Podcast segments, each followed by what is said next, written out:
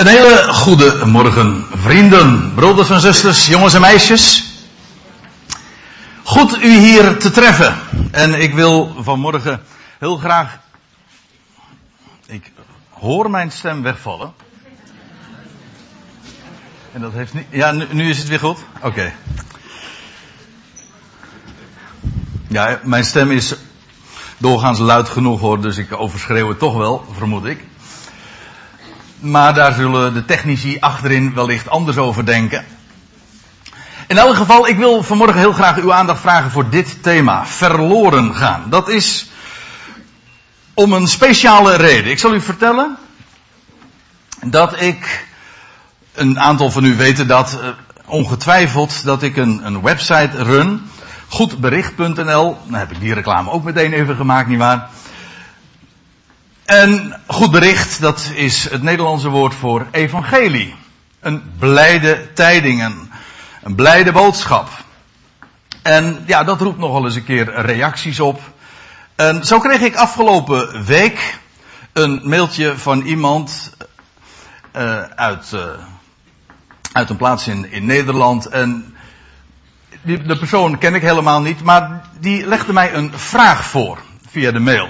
En hij was uh, buitengewoon blij met, met datgene wat ik in artikelen en weblogs naar voren had gebracht. En ja, oh, de boodschap dat het evangelie werkelijk een evangelie is. Eigenlijk zou je zeggen, dat moet toch een open deur intrappen uh, zijn, maar dat is toch niet het geval. Wat veelal voor evangelie doorgaat, een blijde boodschap, is niet zo. Is niet werkelijk een blijde boodschap. Dat was uh, de ervaring uh, van deze persoon, maar ook van zoveel anderen. En als je dan mag vernemen, via welke weg dan ook, als je dan mag gaan vernemen dat het evangelie werkelijk evangelie is, zo'n enorme, blijmakende boodschap. Is geweldig. Nou, deze uh, briefschrijver of deze mailer die had dezelfde ervaring en hij, vond het geweldig verrassend en vooral hoopgevend. Maar hij voegde er nog iets aan toe. Hij zegt, uh, kortom, na een periode van grote aarzeling, want ja, dat kan botsen met heel veel denkbeelden die je altijd gehoord hebt, die je zelf gehad hebt, die heel diep kunnen zitten, daar ben je niet zomaar van af.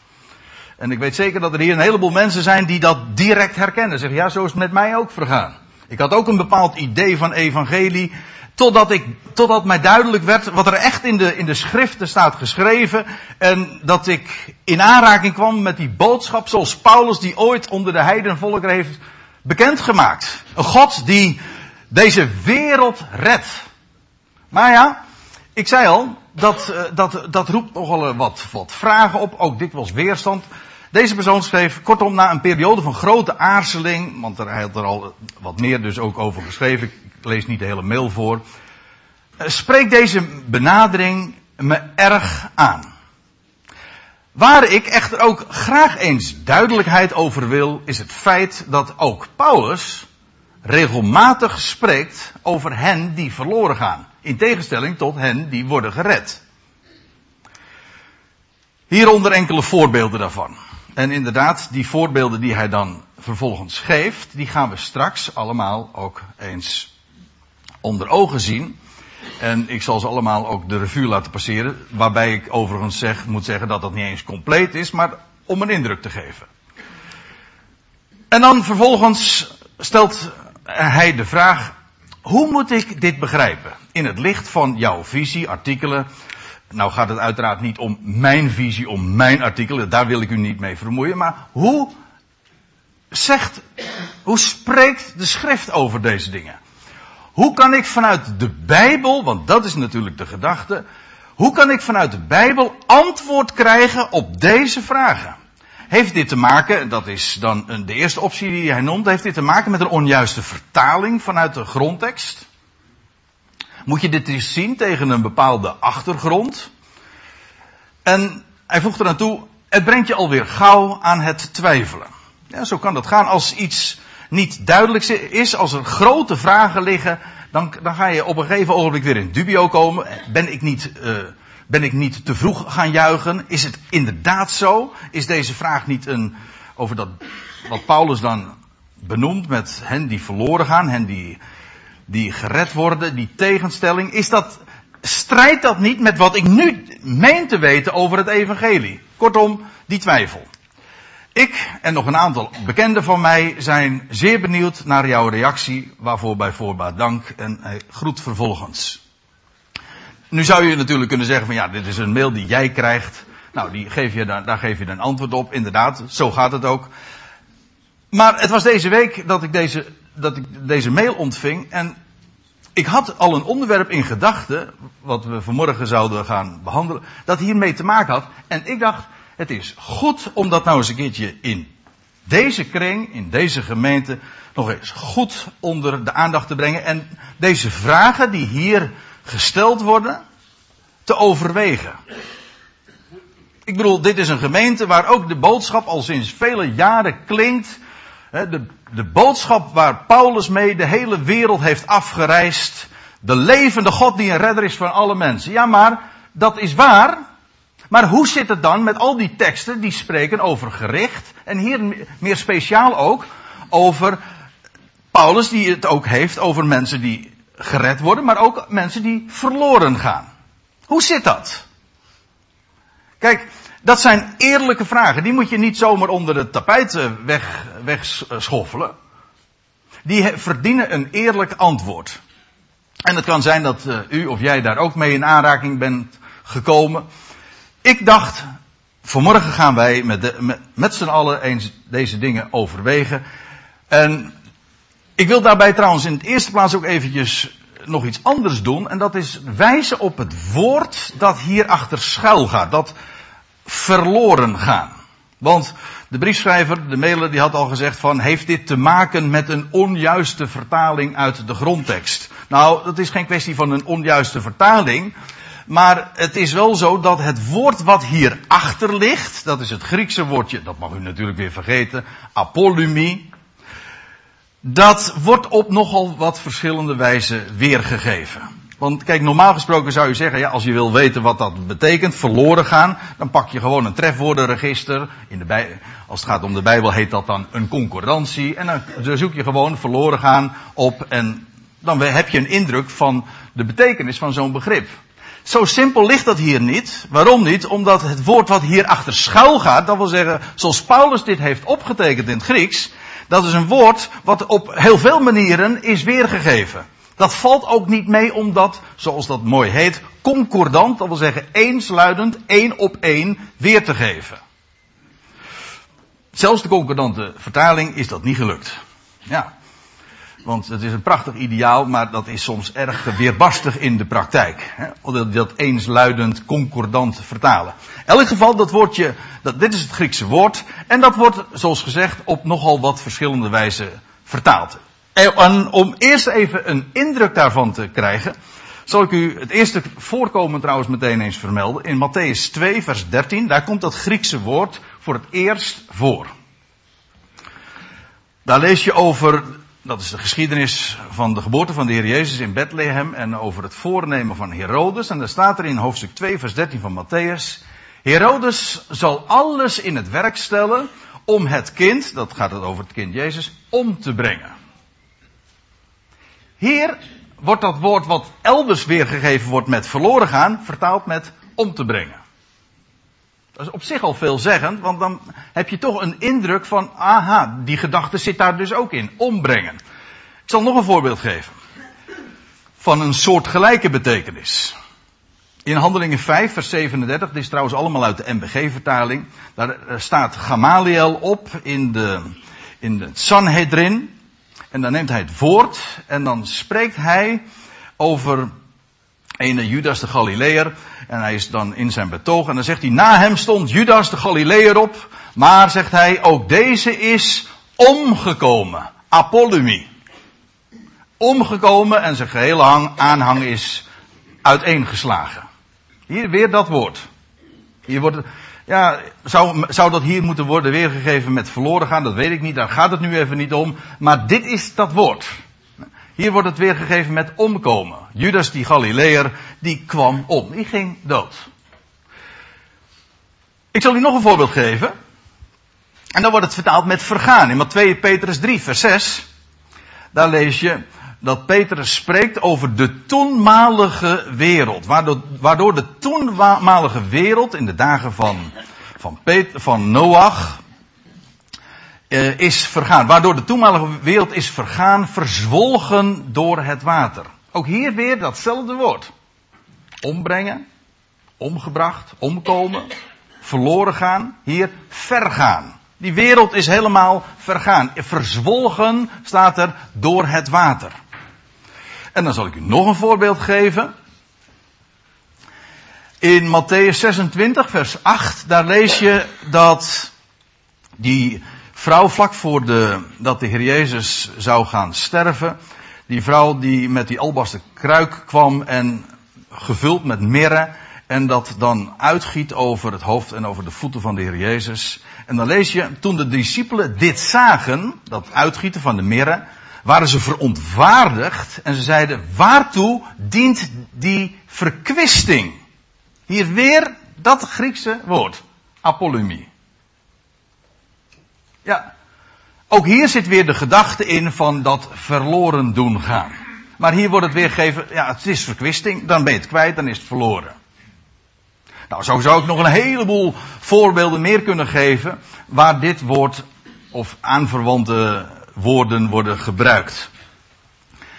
En ook nogal, uh, nog meer varianten hoe het ook wordt weergegeven. Bijvoorbeeld ook met verderven en doodgaan of in het ongeluk terechtkomen. En er is een hoofdstuk, en ik kom daar straks nog eventjes op terug, maar er is een hoofdstuk dat met name over dit begrip ook gaat. Lucas 15 is een beroemd hoofdstuk.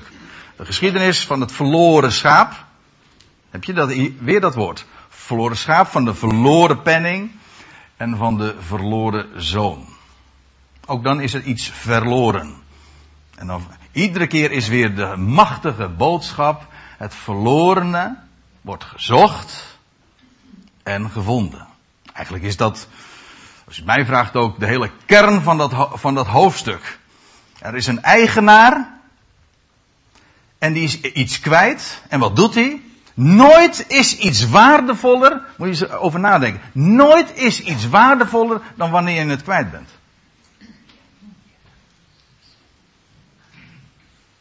Nooit wordt je gedachte zo bepaald door een onderwerp. Nooit, en ik zou hier ook, er zijn hier mensen die, die dit, dat weet ik heel erg zeker, duizendkoppig kunnen beamen. Juist wanneer je aan een geliefde denkt, die je bent verloren. Dat je hart zo in beweging gebracht wordt, juist omdat je het kwijt bent, of dreigt kwijt te raken. Dan, ga je, dan wordt je hele horizon gevuld door dat onderwerp.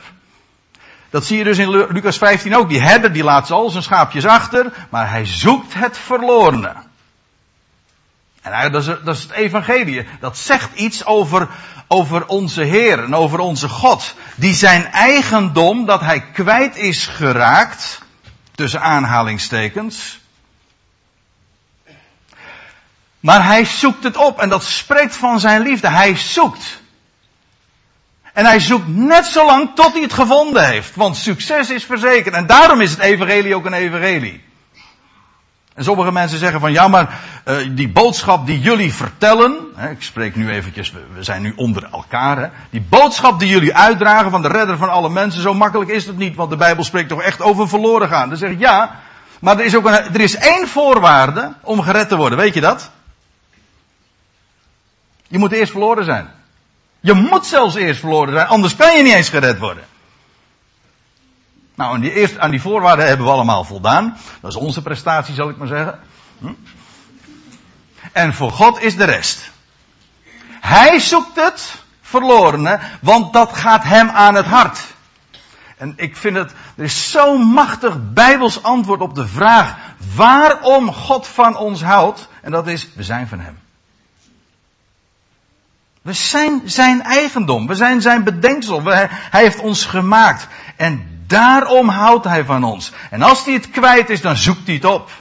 Net zolang tot hij het gevonden heeft. Nou, is dat een evangelie of niet? Er is ook niks aan te snappen. Dat is geweldig, zo'n boodschap. Ja. Nou ja. Uh, we hadden het dus over dat, woord, dat Griekse woordje apollumie en dat op diverse wijze wordt weergegeven. Nu gaan we eens naar die teksten toe die de mailer mij had doorgemaild.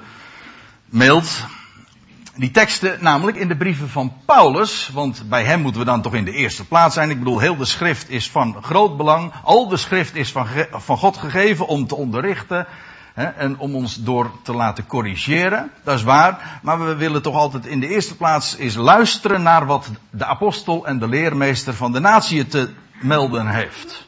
Onze apostel, ja. Nou, Paulus, maar Paulus spreekt ook over verloren gaan. Maar, en dat is nog iets bijzonders. De wijze waarop Paulus dat ook ter sprake brengt, die tegenstelling. Hen die verloren gaan en tegenover hen die gered worden. En de eerste tekst die ik wil noemen is in 2 Korinthe 4. Het is ook het meest duidelijk in eerst, uh, als u het mij vraagt. Daar lees je, het is trouwens ook de, het schriftgedeelte wat we zojuist hebben gehoord, hebben horen voorlezen door Frans. 2 Korinthe 4. Daar staat in vers 3 van dat hoofdstuk, indien dan nog ons evangelie bedekt is, dat wil zeggen niet begrepen wordt, ja, om dat nu even uit te leggen, dat valt niet mee, maar ik zal even een korte poging doen. Het is zo dat Paulus, lees het maar na in, in, in dit hoofdstuk, maar ook vooral het voorgaande hoofdstuk, daarin plaatst Paulus het oude verbond tegen het, tegenover het nieuwe verbond. Moet zich realiseren, die Corinthiërs, die, die waren tot geloof gekomen, maar een, een deel van hen, die kwamen uit de synagogen, waren van Joodse afkomst. En er was heel veel verzet ook vanuit Korinthe. Dat lees je trouwens ook in het boek Handelingen wel. En zo was het altijd trouwens.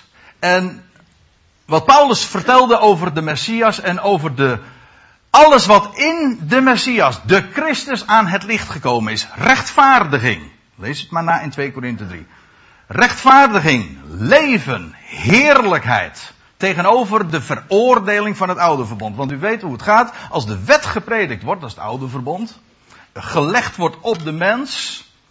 Dan betekent dat altijd per definitie frustratie, maar ook veroordeling. Want jij moet iets doen en je bent niet in staat tot dat niveau te komen. Altijd is daar die teleurstelling. Altijd op je tenen lopen. Maar je schiet altijd tekort.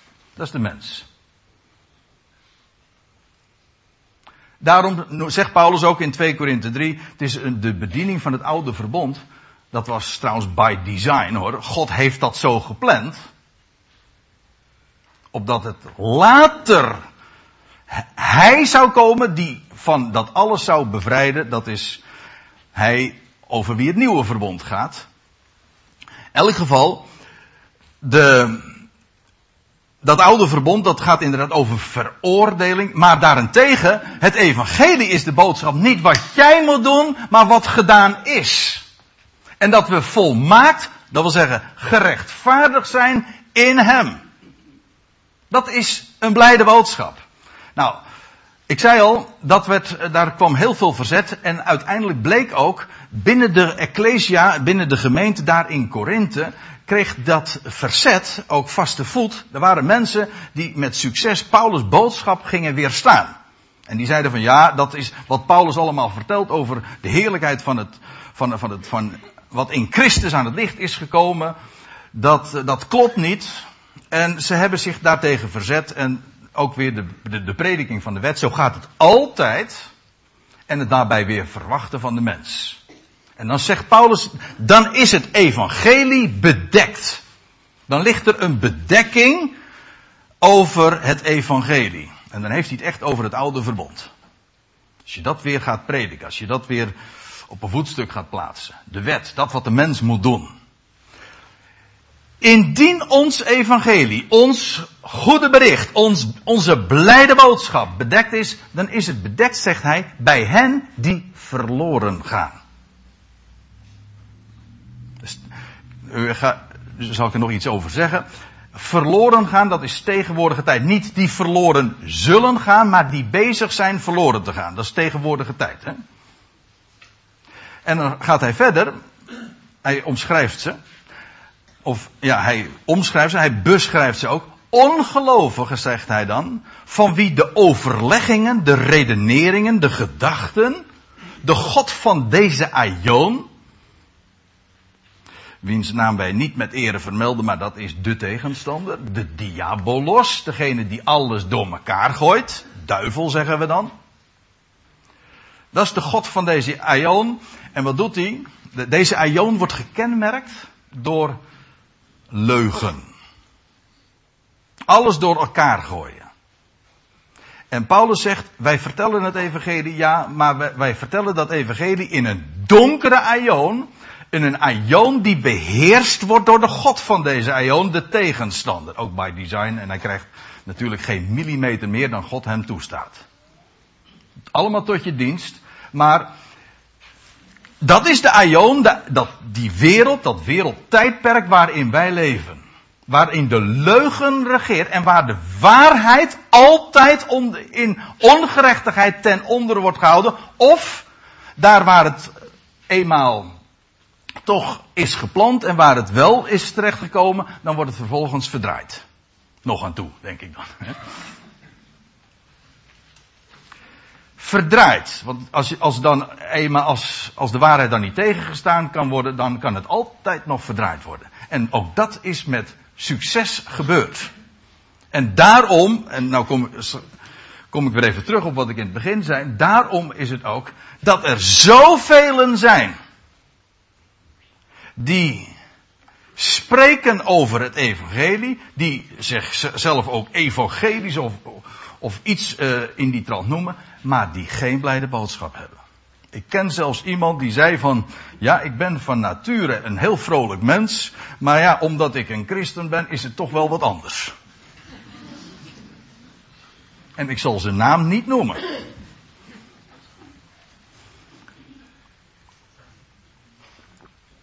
En als het nou een uitzondering was, dan zou ik het niet vermeld hebben. Maar er, zijn er velen. Ik, ik ken ze trouwens zelf ook. Vrolijke mensen van nature. Maar zodra ze naar de kerk gaan, of zodra de Bijbel open gaan, dan, dan, zie, je dat, dan zie je dat gezicht hangen. Of dan zie je die mondhoek al gaan hangen. En dan is de vrolijkheid ineens weg. Het evangelie mensen, het is zo belangrijk dat het evangelie blijft. Blijf daar ook bij. Laat je er nooit van afbrengen. En nou, Paulus zegt dan, het is bedekt bij hen die verloren gaan. Dat wil zeggen, die omkomen. Want dat is eigenlijk ook een van de gedachten. Die verloren, niet straks, daar gaat het nu even niet om. Dat is trouwens ook een waarheid hoor. Natuurlijk, degenen die nu niet geloven, die missen de heerlijkheid van de komende Ionen. Absoluut. Wat, de Bijbel, wat in de Bijbelvertaling altijd wordt weergegeven met het eeuwige leven. Is dat het einde verhaal? Nee, natuurlijk niet, want God heeft al, zoekt namelijk altijd het verloren. Maar het neemt niet weg, dat is inderdaad het lot ook van degenen die niet geloven. Maar het gaat er hier nu even om. Dat Paulus spreekt over hen die verloren gaan. En dan, wie zijn dat? Nou, dat zijn de ongelovigen. En ik weet niet hoe u daarover denkt, maar zo, ik, ik hoor het wel eens een keer. Dan zeggen mensen, ja, ja wie zijn nou ongelovigen? We kunnen toch niet aan het hart kijken? Nou, Paulus spreekt er hierover. Oh, vrij duidelijk. Kijk, als je nou die vraag stelt, hè. Als, als Paulus, moet zich eventjes verplaatsen naar de dagen waarin Paulus deze brief schreef. Paulus was daar in Korinthe, vertelt daar het evangelie. Het evangelie van de heerlijkheid van Christus. Lees, lees maar.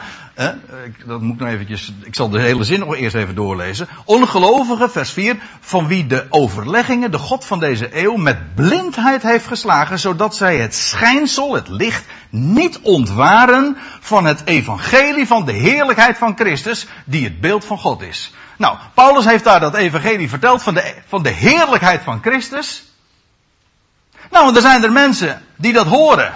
En die zeggen, wauw, geweldig, amen, zo is dat. Die zijn overtuigd door die boodschap. Is dat een prestatie?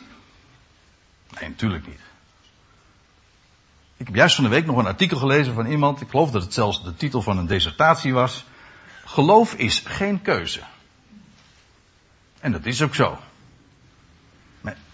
Het wordt wel vaak zo gepresenteerd. Ook juist door christenen. Maar het is niet zo natuurlijk. Als ik nou tegen u zeg, een overtuiging is geen keuze. Je bent door iets overtuigd.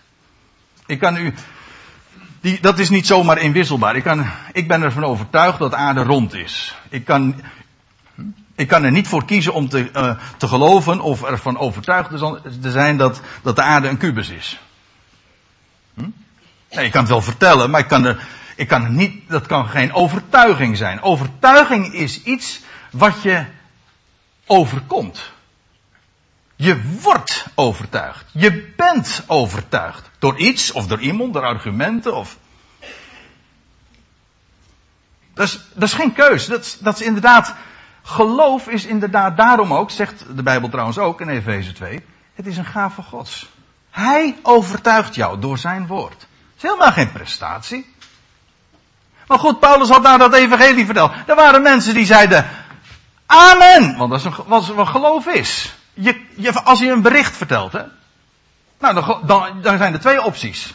Of je gelooft het, of je gelooft het niet. Nou, dat was bij Paulus ook het geval. Paulus vertelde een goed bericht. En er waren mensen die zeiden, Amen! En er waren mensen die, nee. Om welke reden dan ook. Elders in de Korinthebrief schrijft hij, dat is de eerdere brief. Hij zegt, het is voor de Grieken is het een dwaasheid en voor Joden een struikelblok. En zo is het eigenlijk nog altijd. Als je het gewoon aan de mensen vertelt in de wereld, de niet-godsdienstige mensen is het een dwaasheid. Door de bank genomen dan, hè. En voor de godsdienstige mensen is het een struikelblok. Waarom? Het is te makkelijk. Het is te simpel. Zo mooi kan het niet wezen. Want we moeten toch wat presteren. Dat is altijd weer dezelfde kritiek. Maar dat is allemaal ongeloof. Welk labeltje je daar ook aan hangt. Kijk, wat is nou een gelovige? Wat is nou een gelovige? Voor Paulus was het niet zo moeilijk hoor. Hij, hij vertelde een bericht en er waren mensen die zeiden amen. Nou, dat zijn de gelovigen. En er zijn mensen, nee, nee dank je. Of je haalt je schouders erover op. Er zijn allerlei varianten. Maar de overeenkomst is, je gelooft het niet. Ik wil er ook bij zeggen, een gelovige is niet iemand. Je bent geen gelovige omdat je hier in de zaal zit, hè? Nee, natuurlijk niet. Je kan, ik hoorde vroeger altijd het beeld en dat is uh, heel terecht. Ik kan mijn fiets en in een garage gaan zetten, maar ik kan, kan een jaar wachten of tien jaar wachten of vijftien jaar wachten, maar het wordt daardoor echt niet een auto. En jij wordt geen gelovige omdat jij toevallig hier in de zaal van Eben Ezer zit. Dat is toch kul. Of je, je bent een gelovige omdat je, in, omdat je ouders geloven. Nee, geloven is namelijk een zaak van het hart. Overtuigd zijn van. Dat is ook weer iets van het hart. En je kan hier zitten en eigenlijk denk van nou, is allemaal, nou ik zal het woord niet gebruiken, hè? maar dat is onzin. Dat je er in je hart denkt, nee André, geloof er helemaal niks van. Of je schouders erover ophalen. Nee, geloven doe je met het hart. Dat wil zeggen, van binnenuit. Je wordt overtuigd. En op het moment dat je een blij bericht hoort en je zegt, Amen. Ja, dan gaat het zijn werk doen. De Bijbel zegt het ook. Het evangelie, Romeinen 1 vers 16. Nou, we gaan het straks niet zingen, maar het altijd wel een mooie optie geweest. Het evangelie is een kracht gods voor een ieder die gelooft. Op het moment dat je amen zegt op dat goede bericht, dan blijkt het een kracht gods te zijn. Dan gaat het namelijk je veranderen. Lees je trouwens ook in dezezelfde brief, het voorgaande hoofdstuk, 2 Korinthe 3. Ik, uh, ik herinner u er weer aan.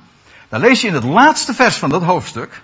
Dus een paar versen hier voorafgaand aan deze versen die we nu hier voor ogen hebben dat Paulus zegt dat een ieder die hem ziet, dat wil zeggen, met wij nu die met onbedekte aangezicht de heerlijkheid des Heren, dat wil zeggen de heerlijkheid van Christus, de Messias, de opgestane Messias zien, en dan staat erachter, worden naar hetzelfde beeld, ge, ja, veranderd, staat er in onze vertaling, maar er staat eigenlijk het, in het Grieks het woordje metamorfose. Dat wil zeggen, ondergaan een complete verandering van binnenuit. Het is geen kwestie van vorm. Dat is godsdienst. Hè? Ja, je, kunt, je een mooi pakje aantrekken, een dasje aan doen, je haren enzovoort. Dat is allemaal buitenkant. Nee, het evangelie is een kracht gods. Dat verandert je. Op het moment dat je amen zegt. Niet omdat jij iets doet, maar omdat het jou van binnenuit verandert. Het eerste namelijk wat het doet is, maakt je blij. Ja, gek hè, met een blijde boodschap. Het maakt je blij en het doet je stralen. Dat heeft ook weer met dat licht te maken. Het eerste wat het doet is, je gaat stralen. Waarom? Dat kun je trouwens ook niet van binnen. Dat kun je ook niet. Je kan hooguit een glimlach op, eh, op je gezicht toveren. Maar dat doet je nog niet stralen, want stralen is uiteindelijk iets wat je met je ogen doet. Ja, je ogen schitteren. Ja, schitterend is dat, hè. Waarom? Dat is, ook dat is geen mensenwerk. Dat is geen keuze, dat is niet iets doen, dat is geen prestatie. Sterker nog, ik ben ervan overtuigd en ik, je ziet altijd weer als mensen hun best gaan doen om dat te realiseren, dan worden ze in werkelijkheid steeds gefrustreerder. Want dat lukt je niet. Het is geen mensenwerk. Nee, maar dat is niet juist de hele blijde boodschap. De blijde boodschap is, Hij is degene die alles voor, je voor zijn rekening neemt. En Hij verandert jou. Dat doet, allemaal, dat doet Hij. En als wij naar Hem zien, op Hem gefocust zijn, dan worden we naar hetzelfde beeld veranderd. Dan worden we van binnenuit veranderd. En dat is een blijde boodschap.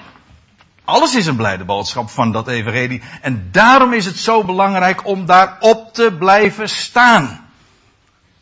Niet je van laten af te brengen. En Paulus spreekt hier over, over mensen die het evangelie geloven. En mensen die zeggen nee. Paulus zegt, het zijn, het zijn ongelovigen. Zijn dat slechte mensen? Nee, helemaal niet. Sterker nog, hij heeft het hier, blijkens de context, juist over godsdienstige mensen. Die uiterst hun best doen, niet alleen maar voor mensen, maar ook voor God, om tot het niveau te komen waarvan zij denken dat God dat verlangt. Zulke mensen, maar het zijn ongelovigen. Juist omdat ze zelf zo bezig waren te presteren, en probeerden en probeerden. Dus, eh, ik, misschien heb ik het hier wel eens vaker gezegd. Maar dat woordje proberen mensen, dat is een killer. Een killer in het evangelie. Als het, woord, als het woord hier hoort op de kansel, ik weet dat ik nou een, een, een, eh, een gevaarlijke opmerking maak, maar goed. Dat is voor mijn rekening, hè. Als het woord proberen hoort in de verkondiging van het evangelie, dan moeten alle alarmbellen en de, alle alarmlichtjes gaan branden. En, en, ja, die bellen gaan uh, rinkelen, ja. Want in het evangelie valt er niks te proberen. God probeert namelijk nooit iets. God doet gewoon. Dit ben ik. Namelijk Heer en Redder en Schepper van deze hele wereld. En ik ga alle dingen wel maken.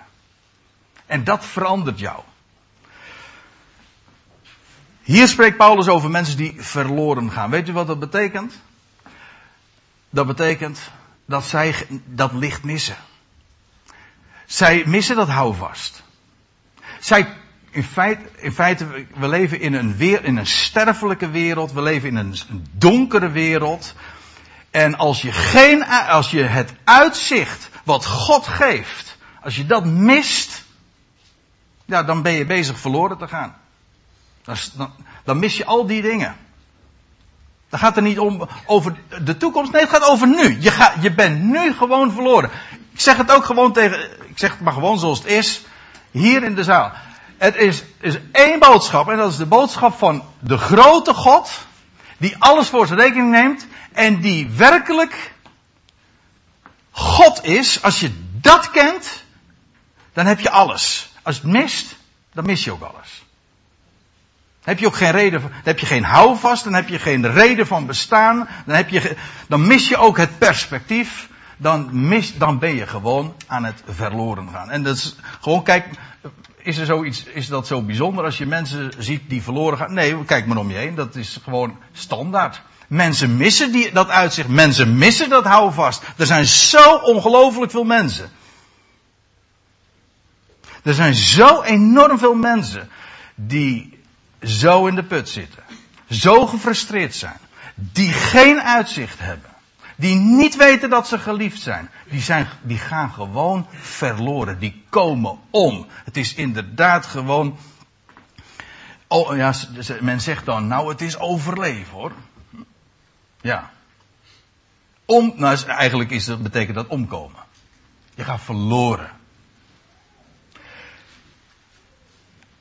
Waarom? Er wordt hier gesproken over ongelovigen van wie de overleggingen de God van deze aion met blindheid heeft geslagen. Waarom? Zodat zij het schijnsel, dat wil zeggen dat stralende licht, niet ontwaarden, dat wil zeggen niet zien, van het evangelie van de heerlijkheid van Christus.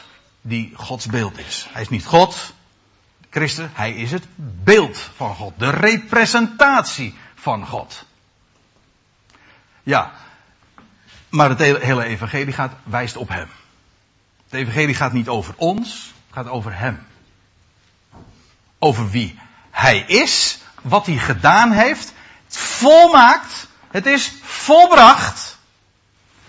En hij die ook alles tot een goed einde gaat brengen. Er wordt hier gesproken over het evangelie van de heerlijkheid van Christus. Als u wat brieven doorbladert en je komt in de Timotheusbrief terecht, dan lees je over het evangelie van de heerlijkheid van de gelukkige God. Dat is ook zo mooi. Hè? Het evangelie, moet je eens over nadenken. Het evangelie van de heerlijkheid van de gelukkige God. Dat betekent dat God gelukkig is. Alleen dat al. Denk er eens over na. De grote schepper van hemel en aarde is gelukkig. Nou, dat betekent toch dat er niks fout kan gaan. Weet u waarom? Hij doet wat hij zegt en hij realiseert wat hij zich voorgenomen heeft. Alles gelukt hem, daarom is hij gelukkig. Geen mis op. Nou, dat is wat Paulus vertelde. Wat is de evangelie? Nou, dat is, de boodschap dat God gelukkig is. Waarom? Nou, alles gelukt hem. En dat is de heerlijkheid van Christus, want God realiseert dat door hem die zijn beeld is, zijn representatie. En wie daarop ziet, ja, die heeft licht en uitzicht en die gaat stralen. En wie het niet ziet, ja, daar is duisternis over, die gaat verloren. Dat is heel simpel. Ik zal u nog een voorbeeld geven. Uh, 1 Korinthe 1. Want het woord van het kruis is wel voor hen die verloren gaan een dwaasheid, maar voor ons die gered worden, behouden worden, is het een kracht Gods. Het woord van het kruis. Dat is ook een, een van de manieren waarop Paulus het evangelie omschrijft. In wezen is het evangelie, de blijde boodschap, is het boodschap dat gaat over, ja, in de ogen van de wereld, dat, zo formuleert Paulus dat ook in dit hoofdstuk, is een dwaasheid. Want de hele boodschap komt erop neer dat God zijn plannen realiseert, deze wereld gaat redden door iemand die ooit 2000 jaar geleden aan een kruis hing. Aan een paal genageld werd en zo stierf. Maar door dat gebeuren, door dat kruis, door die schandpaal, gaat God deze hele wereld redden. Dat is dwaasheid, jawel, maar zegt Paulus, dat woord van het kruis is voor hen die verloren gaan, dat wil zeggen die dat niet geloven, ja, is dat inderdaad een dwaasheid. Maar voor hen die gered worden is het een kracht Gods. Ook hier dus weer die tegenstelling geloof, ongeloof. En geloof is degene die gered wordt, nu, en degene die dat niet gelooft, ja, dat betekent die gaat gewoon met de wereld eh, ten onder in de duisternis en uitzichtloosheid. En ook missend het houvast. 2 Korinthe 2. Een soortgelijk voorbeeld waar, ik zal hem voorlezen. Wij zijn voor God, zegt Paulus, een geur van Christus, want dat is wat hij verspreidde. De heerlijkheid, het evangelie van de heerlijkheid van Christus. Ja, wij zijn voor hen, uh, onder hen die gered worden. Nee, nou moet ik het goed lezen. Want wij zijn voor God een geur van Christus onder hen die gered worden en onder hen die verloren gaan. Weer diezelfde tegenstelling.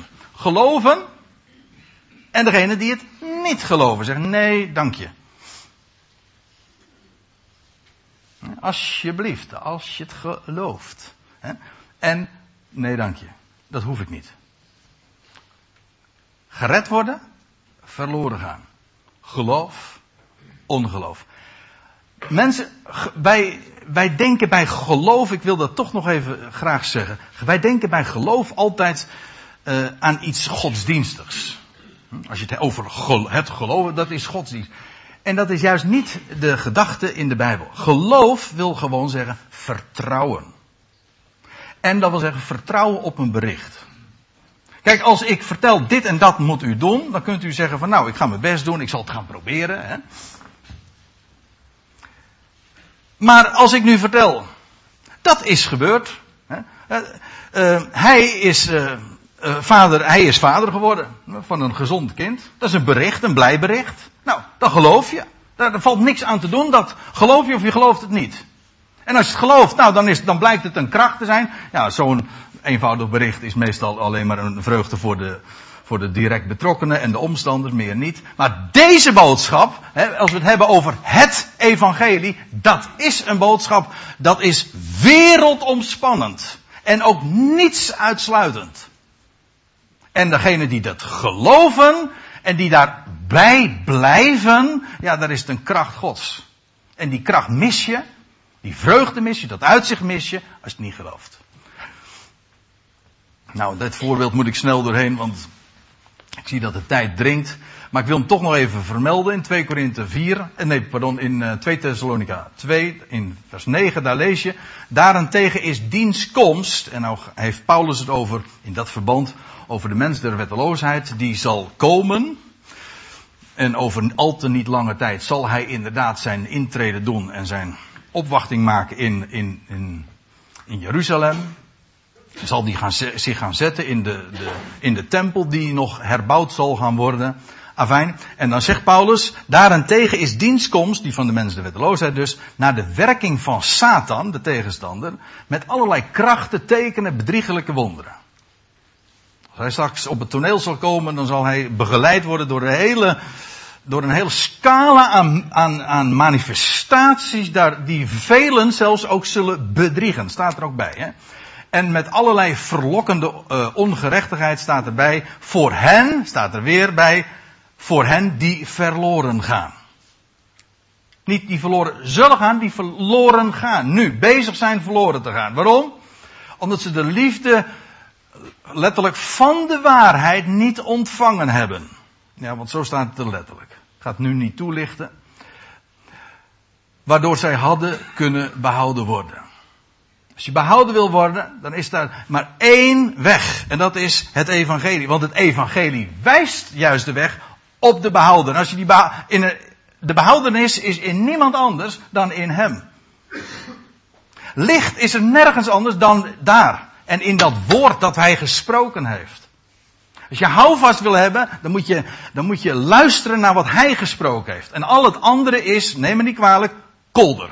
Dat is mensenwoord en daar kun je nooit op steunen. De waarheid. De redding is in niets anders dan juist in dat.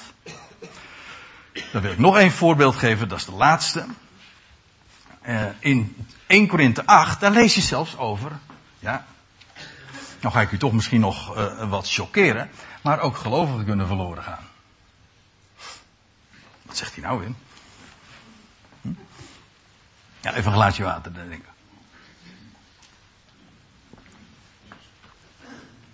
1 Korinthe 8. Lees maar. Dan lees je, het gaat nu even, de context, die laat ik nu even voor wat het is. Ik moet even kort even aanstippen. Nou, lees je over, over bepaalde gedragingen die voor anderen in de Ecclesia, andere medegeloofsgenoten, broeders en zusters, een struikelblok vormen. Je kunt iets doen, en je zelfs in je vol, volste recht staan en gelijk hebben, maar door de, de ander die dat niet begrijpt, of nog niet begrijpt, is dat zo'n struikelblok, waardoor hij, en nou pak ik de draad op bij vers 11, en dan zegt Paulus, dan gaat er immers iemand die zwak is, dan niet zo sterk in zijn overtuiging nog, niet goed weet waar het over gaat, dan gaat er iemand die zwak is, ten gevolge van uw kennis, tussen aanhalingstekens, wat u weet, verloren. Een broeder. Gelovige dus. Om wiens wil Christus gestorven is. Ja, dat kan. Betekent dat dat hij niet meer bij de gemeente hoort, bij het lichaam van Christus? Nee, natuurlijk niet. Als je eenmaal een gelovige bent, hè, met je hart, dan ben je verzegeld met zijn geest, dan staat er een stempel van hem op en dat is never nooit meer ongedaan te maken. Maar je leven kan verloren gaan. Ja. Ja, ik geef nu één voorbeeld, maar je leven kan gewoon verloren zijn. Als je ooit het evangelie aan, aangenomen hebt, dat wil zeggen je ooit je ogen daarvoor open gegaan zijn, dan, ja, dan ben je gered. En dan heeft je leven ook zin en inhoud. Maar op het moment, ook al ben je verzegeld met zijn geest, maar op het moment dat je weer gaat kiezen voor eigen werken en ik ga het zelf wel doen, of dat de God van deze Aion je toch weer heeft misleid, verdraaid, dat je weer bezig bent met proberen, ja, dan heb je afstand genomen van het evangelie. En dan ben je naar de, dan ben je verloren. Je leven is verloren. Want er is alleen maar redding als je staat op dat getuigenis. Nergens anders. En dan zegt Paulus hier ook, denk erom dat je gedrag zodanig is. Het gaat niet om wat, wat geoorloofd is en niet geoorloofd. Paulus zegt dan heel laconiek, alle dingen zijn geoorloofd. Kom nou zeg. Het gaat erom, wat is nuttig? Wat bouwt de ander op? Wat rijk, wat doet de ander werkelijk opzien naar hem? Daar, dat is waar het werkelijk om gaat. Zodat die ander daardoor gered wordt. Ook weer die bodem uh, betreedt die solide en vast is. Namelijk van zijn woord. Nou, wat ik u eigenlijk in, uh, in, deze, in dit half uurtje, of iets langer inmiddels, willen vertellen, dat is deze boodschap. En lieve mensen, dat is zo geweldig kostbaar.